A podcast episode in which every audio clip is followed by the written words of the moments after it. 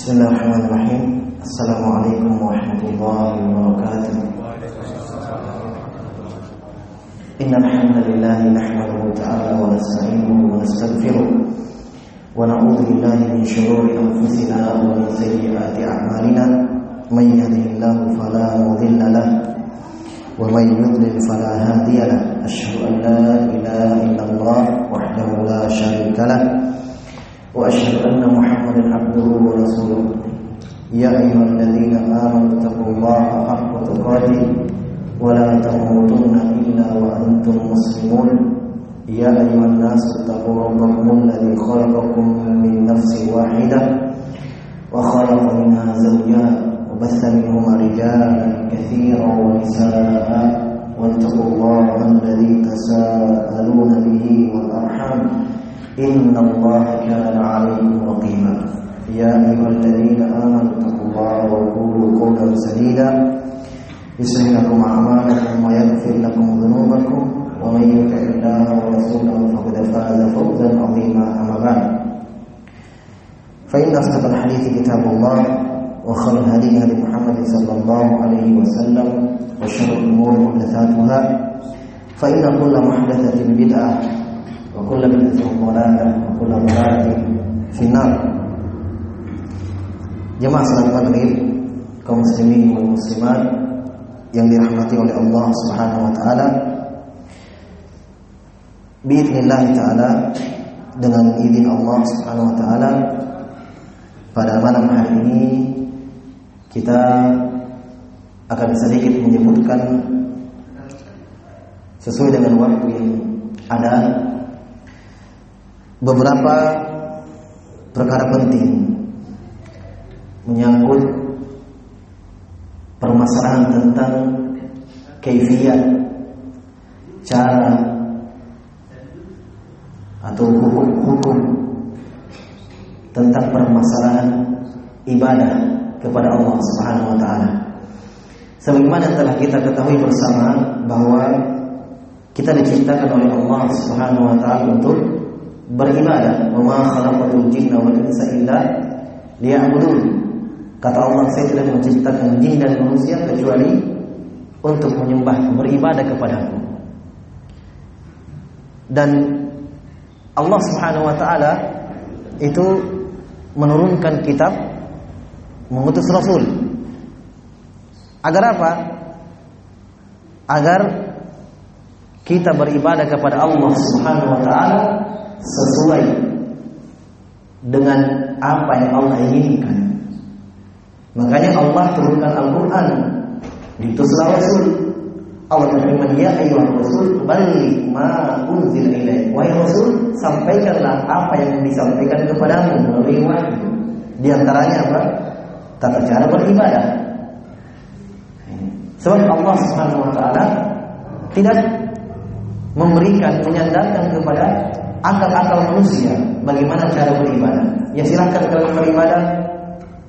Sesuai dengan apa yang kalian mau caranya silahkan. Tidak. Allah mengutus Rasul. Inilah hikmah yang terbesar yang sangat besar. Allah mengutus Rasul Sallallahu Alaihi Wasallam agar kita tahu bagaimana cara beribadah kepada Allah yang benar sesuai dengan apa yang Allah inginkan. Kalau kembali kepada akal-akal manusia sudah kacau masing-masing ya, saya mau tiga rakaat saja lah atau satu rakaat saja yang cepat-cepat ya, supaya cepat pulang. Ya, tidak. Semua ada tata caranya.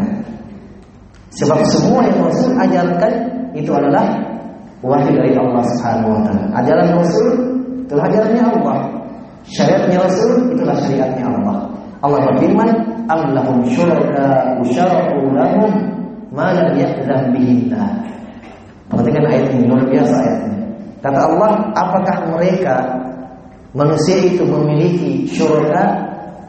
Mereka memiliki tandingan-tandingan syariat-syariat selain apa yang Allah izinkan? Iya. Ini bentuknya pertanyaan, tapi pengingkaran dari Allah. Maksudnya apakah mereka membuat syariat-syariat baru yang Allah tidak pernah izinkan selain apa yang Rasul tuntunkan, selain apa yang Allah wahyukan kepada Rasul?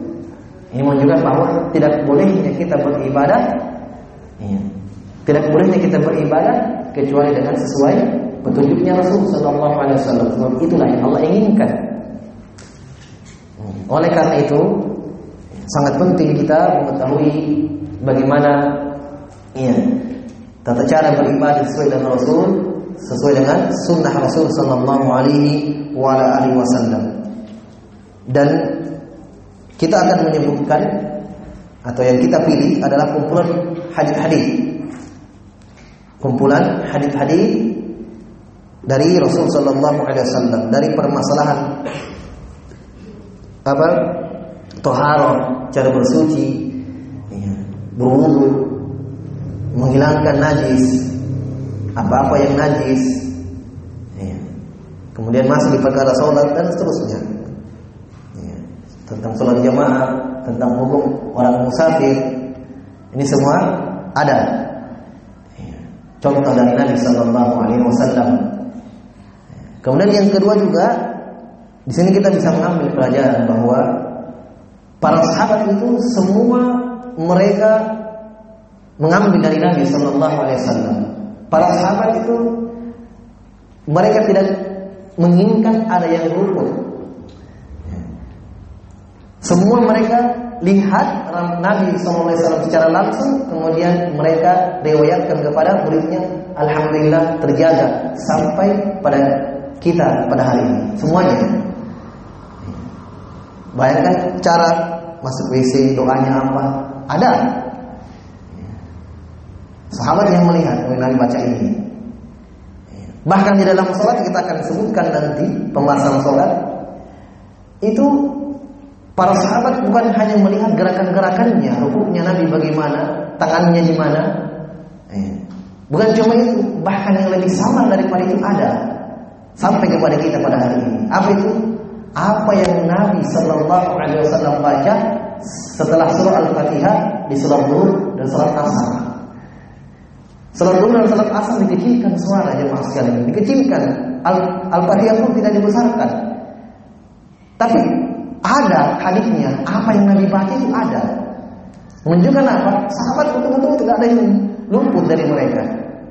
Bagaimana caranya mereka mengetahui bacaannya Nabi Sallallahu Alaihi Wasallam setelah surat Al-Fatihah?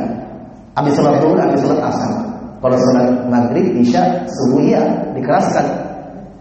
Kata para sahabat, kunna na'rifu qira'atan Nabi Sallallahu Alaihi Wasallam bittirubi ihyatihi. Dulu kami mengetahui bacaannya Nabi Sallallahu Alaihi Wasallam dengan bergeraknya jenggotnya. Diperhatikan betul. Salatnya Nabi bagaimana apa yang dia baca ini? Bergeraknya jenggotnya Nabi Sallam kita tahu oh ini baca surat ini. Ya, makanya ada dalam riwayat kata sahabat kadang di sholat duhur Nabi baca sambil rabbikal a'la di rakaat kedua Nabi baca ini. Ya. Yang pertama, yang kedua mungkin Nabi SAW kadang mengeraskan sekali satu ayat dari surah yang beliau baca ini ada dalam riwayat. Pernah di sholat asar Nabi pernah mengeraskan atau di sholat duhur mengeraskan satu ayat dari apa yang beliau baca. Satu ayat saja, kemudian setelah itu dikecilkan lagi. Ini juga cara yang kedua yang mereka ketahui. Yang jelas di sini kita bisa mengambil ibrah, bisa mengambil pelajaran bahwa semuanya ternukilkan sampai kepada kita pada hari ini, semuanya. Perkara sholat tidak ada yang luput dari sahabat. Bagaimana tidak? Nabi Sallallahu Alaihi itu sholat di hadapan para sahabat mempraktikkan bagaimana cara sholat Nabi Sallallahu Alaihi. Nabi naik ke atas mimbar dalam hadis Malik bin Khuwailid dan semisalnya dan yang lainnya dari sahabat-sahabat. Nabi mempraktikkan bagaimana cara sholat Nabi SAW. Takbirnya, hukumnya. Kata sahabat ketika hukum Nabi turun di tangga yang pertama. Di tangga yang kedua. Sujud turun di tangga yang pertama. Naik terus. Kemudian seperti itu. Naik turun Nabi SAW. Setelah salam kata Nabi Sallallahu Alaihi Wasallam kepada sahabat, beliau berpaling, berpaling di hadapan para sahabat. Beliau mengatakan, Inna sana'tu dzalika lita'tammu bi wa lita'allamu salati. Saya lakukan itu, saya sholat di atas mimbar agar kalian lihat, perhatikan bagaimana saya sholat, agar kalian ikuti bagaimana saya sholat. Sallu kama ra'aitumuni usalli. Salatlah kalian sebagaimana melihat saya sholat.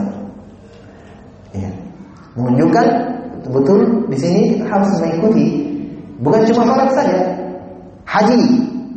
Ya. Nabi berhaji. Ya, berapa kali Nabi haji? Satu kali saja. Berarti dia tahu umatnya ada yang haji berkali-kali, masya Allah.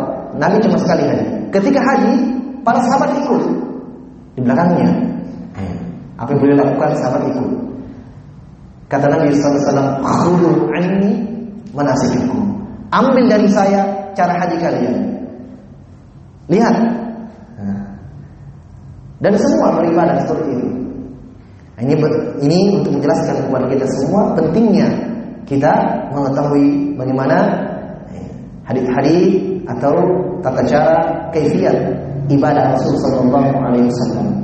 Kita juga di situ di hadis di salah-salah hadis nanti yang, akan kita sebutkan kita bisa melihat akhlaknya Nabi bagaimana bersama para sahabat.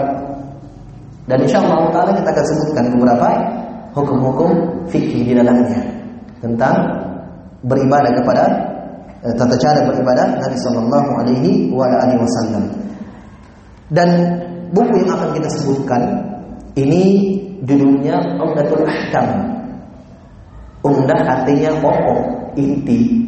Ahkam artinya hukum-hukum. Jadi hukum-hukum yang inti. Ya, ini dikumpulkan oleh seorang ulama besar ya, Abdul Ghani Al-Maqdisi rahimahullah. Namanya Abdul Ghani Al-Maqdisi. Dia lahirnya tahun 541 Hijriah. Sekarang sudah 1440. Berarti 19 tahun yang lalu. Ya, belum yang lain ya. 541 Hijriah lahirnya, meninggal 600 Hijriah. Ya. Ini bukan ulama sembarangan ini, ulama besar. Ya. Belum terlalu jauh jaraknya bersama ya, para murid-muridnya sahabat dan seterusnya. Berarti dia di abad ke-6. Ya, di abad ke-6. Beliau kumpulkan hadis-hadis ini, ya, kumpulkan dari eh, taharahnya, cara wudhunya Nabi bagaimana dan semua hadis yang sahih. Ya, Bukhari dan Muslim yang disepakati kesahihannya, keabsahannya bahwa dia sah dari Nabi Sallallahu Alaihi wa ala alihi wasallam. Sebab kita juga tidak sembarang ya, melihat hadis oh asal ada ini hadisnya oh ikuti tidak. Ya. Di antara bentuk penjagaan Allah Subhanahu wa taala terhadap syariatnya ya, banyak orang yang buat-buat hadis palsu itu. Ya. Tapi alhamdulillah Allah Subhanahu wa taala memilih di antara hamba-hambanya yang memiliki ilmu yang sangat dalam tentang hadis. Makanya Imam Syafi'i ya, Imam ya, terkenal Imam Syafi'i mengatakan kalau ada orang yang berbohong, berdusta atas nama Nabi Shallallahu Alaihi Wasallam, ya, maksudnya dia buat hadis palsu di tengah laut, walaupun dia di tengah laut berdusta atas nama Nabi Shallallahu Alaihi Wasallam, besok pagi kita sudah tahu. Besok pagi kita sudah tahu. Ini bentuk penjagaan Allah Subhanahu Wa Taala. Kata Allah Subhanahu wa taala, "Inna nahnu nazzalna dzikra inna lahu lahafizun." Kamilah yang menurunkan Al-Qur'an, ya, juga hadisnya. Dan kamilah yang menjaganya. Nah, di antara bentuk penjagaan Allah terhadap hadis-hadisnya adanya ulama-ulama hadis. Yang menghukumi ini hadis tidak pernah ada dari Nabi ini. Ya, ini oh ini hadis sah dari Nabi sallallahu ya. Dan hadis-hadis yang akan kita baca ini alhamdulillah Bukhari dan Muslim muttafaqun alaihi yang disepakati ya, keabsahannya. Nah, ini juga menunjukkan kepada kita jemaah sekalian betul-betul menunjukkan kita butuh, ya, penting untuk kita belajar.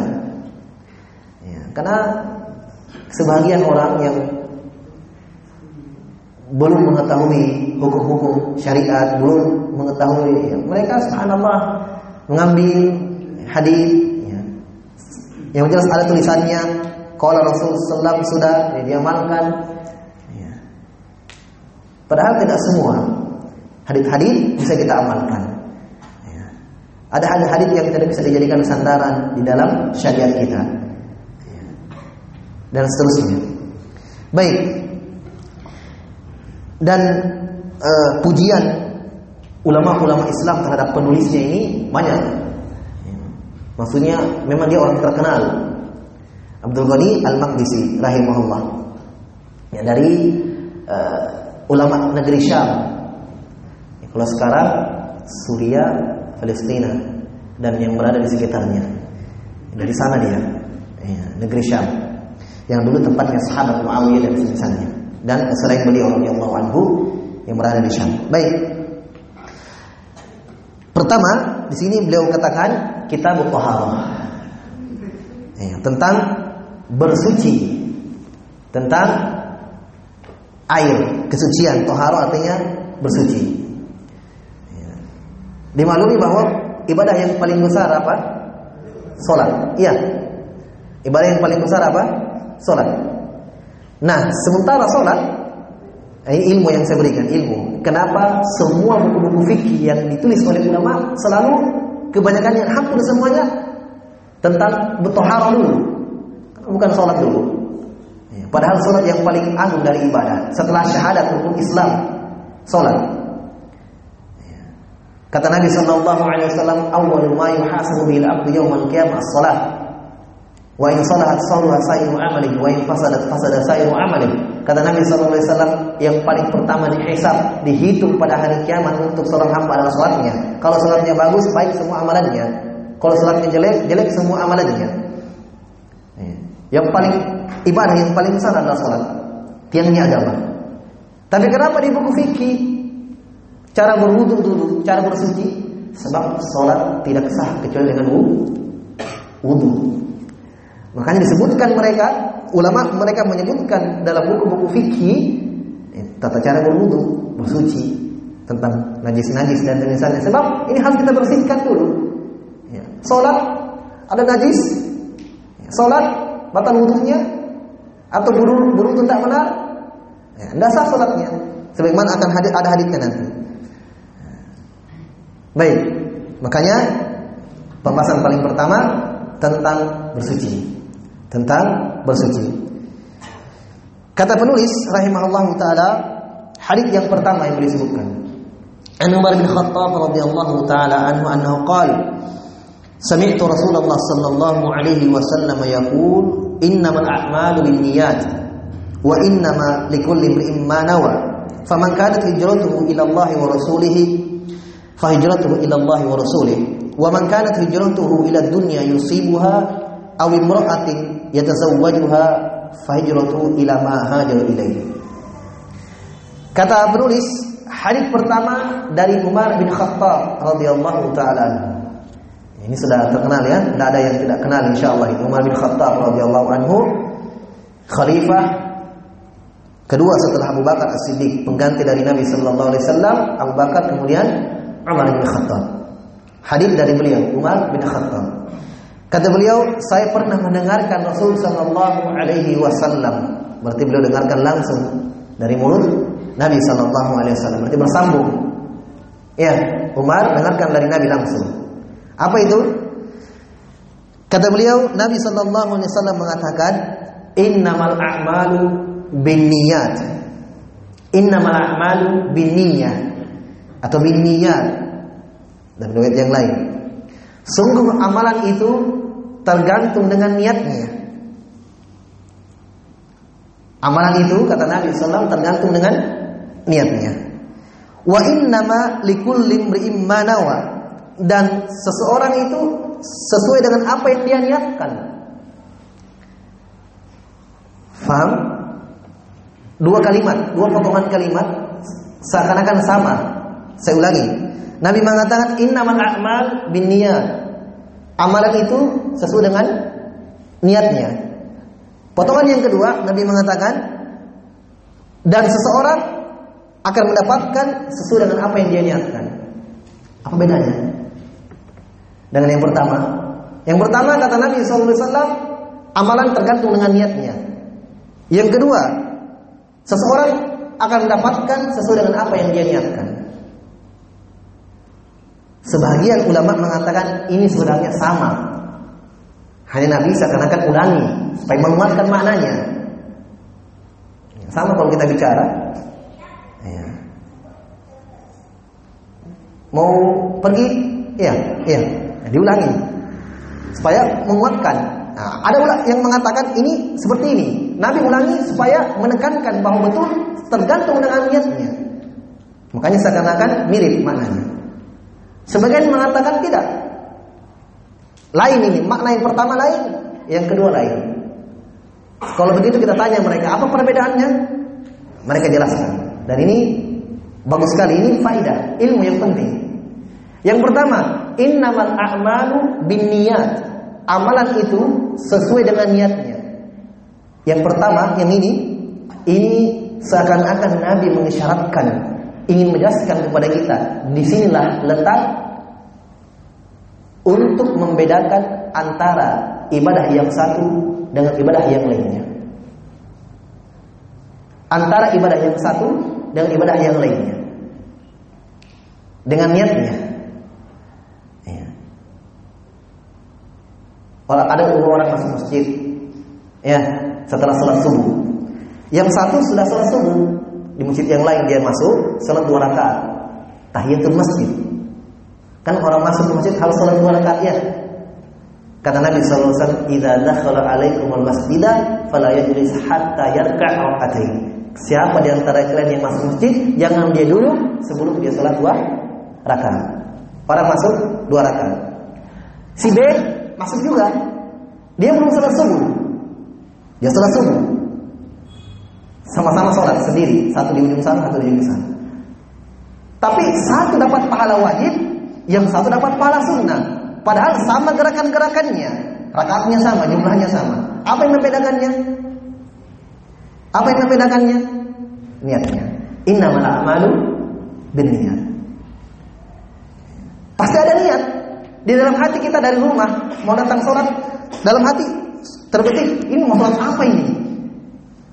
Gampang sholat asar, niatnya sholat duhur. Sudah waktu asar, dalam hati sudah kira masih sholat duhur. Padahal waktu asar. Ya.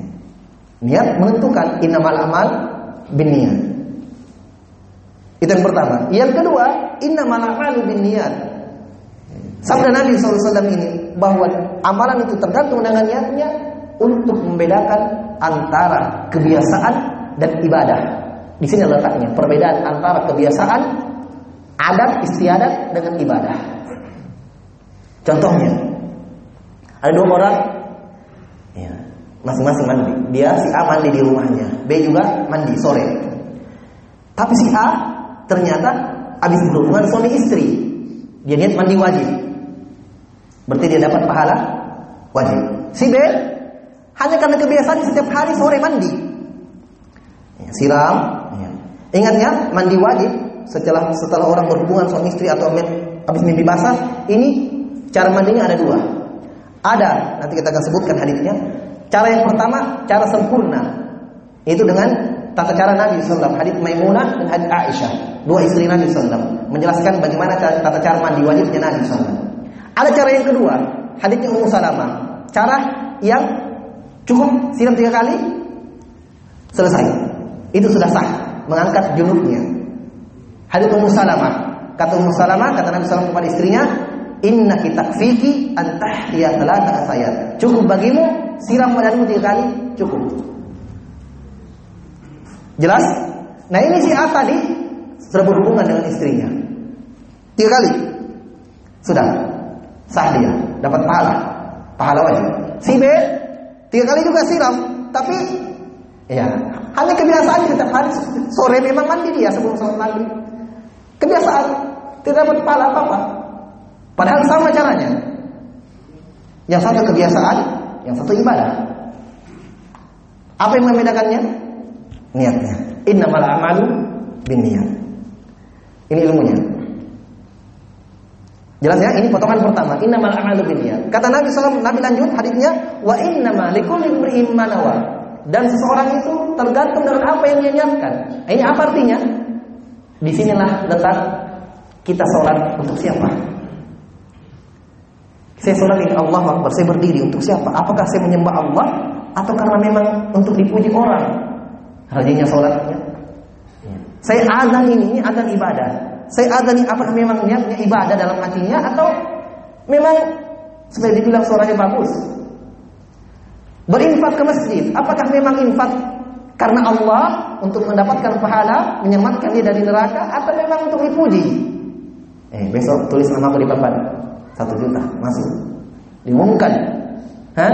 supaya dipuji orang sering menyumbang bersedekah. Ini dia inginkan kata Nabi Sallam wa innama likulli imrin Apa yang dia niatkan itu dia dapat. Kalau dia dapat, kalau dia niatkan untuk pujian manusia, dia dapat.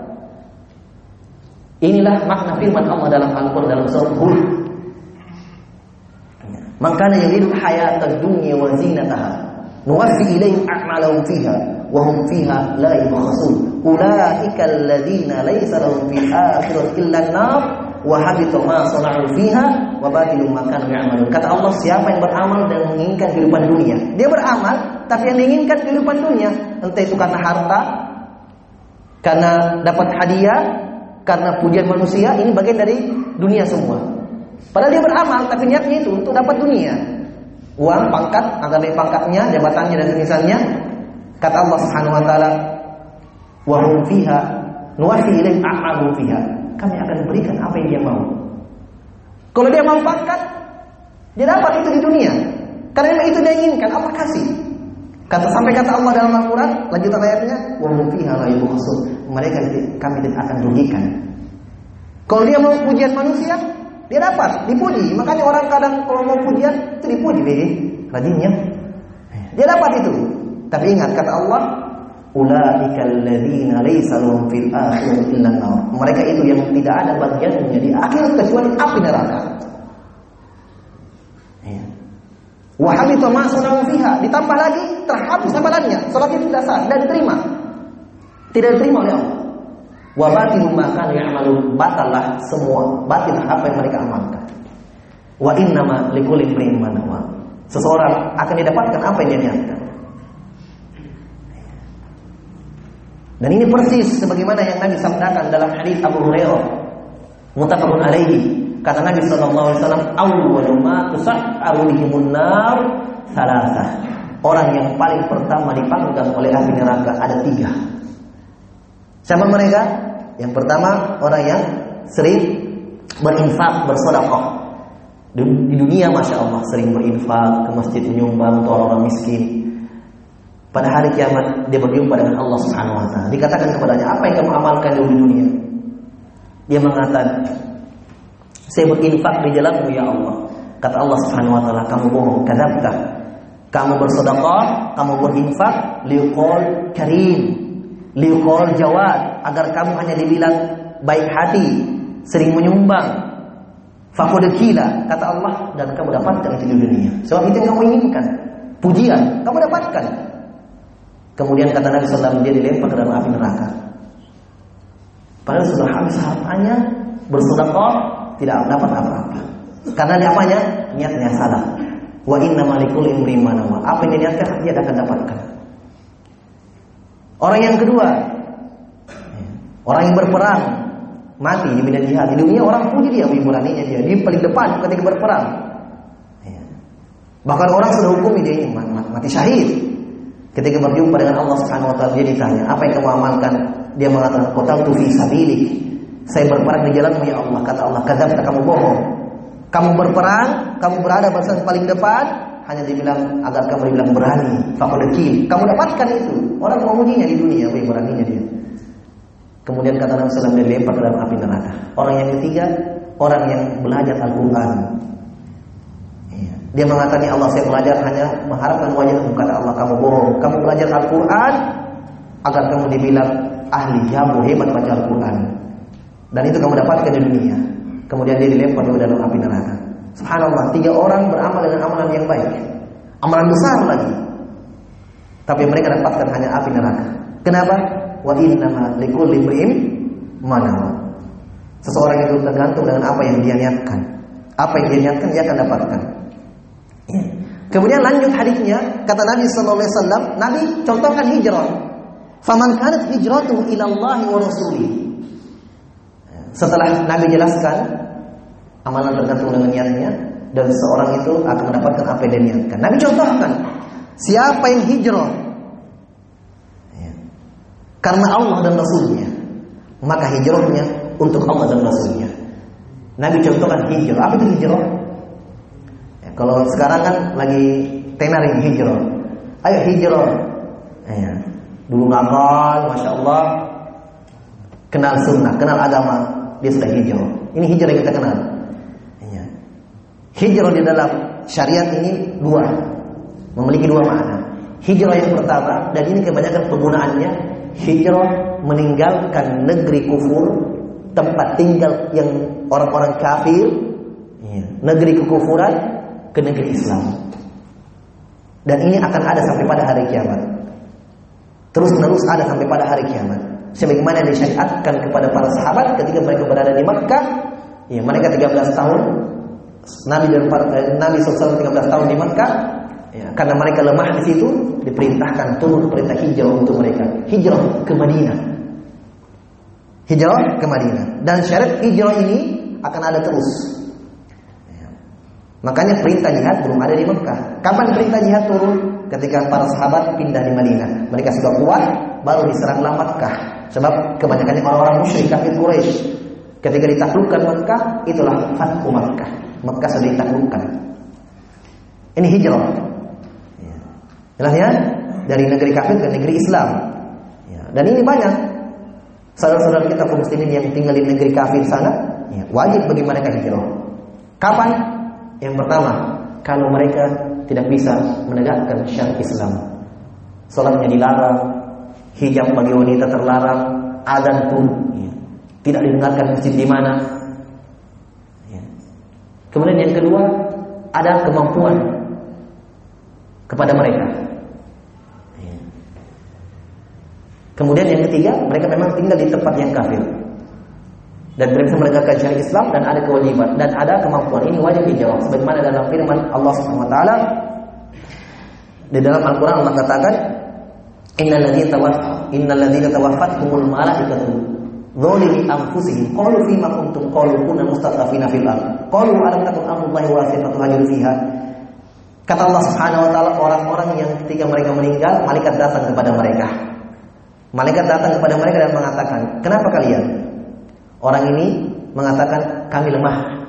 Tidak bisa menegakkan syariat Islam. Kami ditindas oleh orang-orang kafir. Ya. kata malaikat kenapa kalian tidak pindah dari situ? Nah, ini namanya hij hijrah. Kenapa kalian tidak berpindah bukankah bumi Allah luas dalam surah Nisa nah, inilah syariat hijrah ya. jadi kalau ada orang yang tinggal di negeri kafir itu tadi catatannya dia tidak bisa menegakkan syariat Islam dan dia ada kemampuan wajib tinggalkan tempat itu ya. tapi ada orang tinggal di negeri kafir, minoritas mereka, tetapi bisa sholat ada, ya, agar terdengar, walaupun minoritas sedikit, ini belum wajib, hanya sunnah.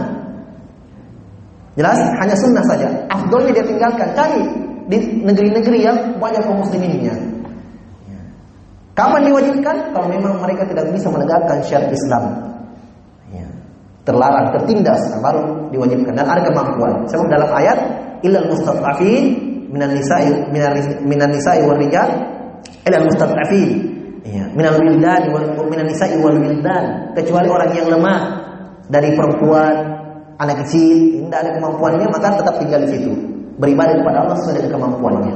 Ini hijrah yang pertama. Hijrah yang kedua maknanya meninggalkan kemaksiatan kekufuran. Ya. dia berhijrah masuk Islam. Ya bertobat dari maksiat. Ini hijrah juga. Hijrah bermakna khusus. Sebagaimana dalam hadis al muhajiru man hajar ila ma haramallahu alaihim kata Nabi SAW orang yang berhijrah itu adalah orang yang meninggalkan apa-apa yang Allah haramkan untuk dia ya, dulu dia tidak sholat misalnya ya, mabuk-mabukan hijrah ya, meninggalkan maksiat ini orang yang berhijrah juga baik Nabi mencontohkan berarti ini setelah kita tahu makna hijrah berarti kita sudah bisa hukumi berarti hijrah adalah ibadah. Hijrah adalah ibadah. Ibadah. Nah, makanya Nabi mengatakan contohnya, siapa yang berhijrah setelah Nabi menjelaskan tentang niat, Nabi mengatakan kalau begitu, siapa yang berhijrah karena Allah dan Rasulnya, maka dia mendapatkan pahala. Maka hijrahnya untuk Allah dan Rasulnya. Nah, di sini kita mengambil pelajaran jemaah sekalian. Kalau hijrah jangan ikut-ikutan. Ada orang hijrah karena dia temannya, eh, hijrah semua minta temanku, tinggal saya. Hah? Tinggal saya belum, kayak hijrah juga deh. Dia tidak ada keikhlasan dalam hatinya. Betul-betul hijrah kali ini haram, bukan karena ikut-ikutan orang. Ya. Sebagaimana para sahabat ketika mereka masuk ke dalam Islam, apakah mereka ikut-ikutan? Umar sudah masuk Islam, Hah? Saya belum masuk Islam juga? Tidak. Mereka betul-betul masuk dalam Islam karena keimanan yang ada dari dalam hati mereka. Maka kata Nabi SAW, siapa yang berhijrah karena Allah dan Rasulnya maka dia akan dapatkan itu. Wa man kanat hijratuhu ila dunya yusibuha. Tapi kebalikannya, siapa yang berhijrah karena dunia yang dia inginkan atau karena perempuan yang ingin dia nikahi, nah, niatnya salah. Dia tinggal tinggal di negeri kafir. Mau ke negeri Islam, tapi niatnya bukan memang di sini karena dilarang sholat apa tidak, bukan itu. Ada perempuan di sini Misalnya dia mau pindah di Indonesia, dia tinggal di sana mungkin di negeri-negeri Amerika apa dan misalnya. Ada sana Indonesia yang suka pindah atau mau pergi berdagang dunia duit uang. Maka ini kata Nabi SAW hijrahnya sesuai dengan apa yang dia niatkan sama ya, sebagaimana yang Nabi sebutkan tadi dua. Inna malama lebih niat wa inna imrin ini praktiknya Nabi langsung gabungkan satu hadis langsung diterapkan oleh Nabi SAW. Contohnya hijau. Nabi tidak contohkan sholat. Iya, Nabi tidak contohkan maka siapa yang sholat karena Allah dia dapat pahala, siapa yang sholat karena manusia tidak. Yang beliau contoh dalam hadis ini adalah hijau. Menunjukkan bahwa hijau adalah amalan yang sangat luar biasa. Iya. Menunjukkan kepada kita juga di sini bahwa kita bisa mengambil hukum dari hadis ketika seorang berhijrah itu harus ikhlas kepada Allah Subhanahu wa taala, bukan karena perempuan yang ingin dia nikahi. Kadang ada juga orang hijrah karena ada dia memang perempuan nih. Dia sudah pakai jilbab. Hah? Dia mau hijrah juga. Ikut juga. Ya, berarti niatnya untuk perempuan. Nabi sebutkan kalau hijrahnya untuk perempuan yang dia ingin nikahi, maka hijrahnya ya, di, dianggap apa yang dia inginkan. Dia akan dapatkan itu. Apakah di akhirat dia dapat pahala? Tidak. Kemudian pelajaran yang berikutnya yang kita bisa ambil bahwa pentingnya peran niat dalam ibadah, dalam bahkan dalam kehidupan. Peran niat ini penting. Karena kadang ada seseorang dia tidak tahu ini sebenarnya ini yang dia lakukan adalah ibadah, tapi karena dia tidak tahu ini ibadah, maka tidak dapat pahala. Ya, sama. Misalnya ada orang yang celananya tidak isbal, dia semata kaki pakai celana. Iya. Tapi dia tidak tahu bahwa ini perintah dari Nabi Sallam. Kata Nabi Sallam, maaf kalau minal ka'bain mafinnar. Apa yang di bawah mata kaki itu neraka tempatnya. Berarti kita diperintahkan untuk mengangkat kain di atas mata kaki. Ada orang tidak tahu memang karena mungkin celananya hanya model seperti itu. Ada apa pahala? Tidak. Kenapa? Innamal a'malu binniyat. Ini penting. Sama dengan tadi untuk membedakan kebiasaan dengan ibadah. Kemudian faedah yang berikutnya dalam hadis pentingnya kita mempelajari agama Allah Subhanahu wa taala agar kita tahu ini ibadah ini bukan. Ya. Dalam puasa juga banyak hal-hal yang seperti ini. Ya. Ada juga orang kadang ya, dia mempersegerakan buka ya. Tapi memang dia tidak tahu hadisnya, tidak, tidak. Mungkin kebetulan atau yang misalnya ya. Tapi kalau orang yang berilmu dia tahu bahwa mempersegerakan buka puasa, ya, tidak lambat-lambat, itu dapat pahala sunnah. Kita diperintahkan oleh Nabi Sallallahu Alaihi Wasallam mempersegerakan buka ya, dan mengakhirkan sahur. Ya. Ini perkara-perkara seperti ini penting, perkara niat. Ya, perkara niat. Kemudian di dalam hadis ini juga terdapat ilmu, terdapat faidah bahwa niat adalah syarat sahnya ibadah itu. Ah, makanya disebutkanlah tentang hadis tentang niat ini dalam hadis yang paling pertama sebelum tentang wudhu. Ya. Yang paling pertama hadis tentang niat. Kenapa? Sebab memang niat penting. Seluruh ibadah ditentukan dengan niatnya. Mau itu entah itu berwudu, haji, umroh, baca Quran, ada niat. Ini ibadah ini. Saya baca satu guru dapat sepuluh kebaikan. Dia baca. Baik. Ini hadis yang pertama. uh, pada malam hari ini insyaallah taala karena sudah masuk waktu azan ya, kita cukupkan dulu pertemuan pada malam hari ini. Semoga ada manfaatnya untuk kita semua. Ada pertanyaan? Eh, bagaimana tuh Ustaz misalnya kita juga biasa kalau sebagai manusia itu kita akan apa tahu bilang kalau kita berdosa bermaksud itu hidup sempit begitu Ustaz. Terus atau kita mungkin mau sholat apa gitu seperti itu mungkin sholat duha biar bisa dibilang mungkin biar sehat. rezeki sebagaimana loh Ustaz gitu. Mungkin ada apa manusia memang begitu mungkin Ustaz jadi bagaimana? Iya. Berarti sama misalnya orang mau puasa karena ingin sehat terikut dalam niatnya begitu tercampur. Campur gitu. Kalau sholat tahajud begitu Ustaz karena kita kan Ustaz pernah dengar hadis-hadis apa siapa yang berdoa di ini sepertiga malam gitu Ustaz seperti panah gitu.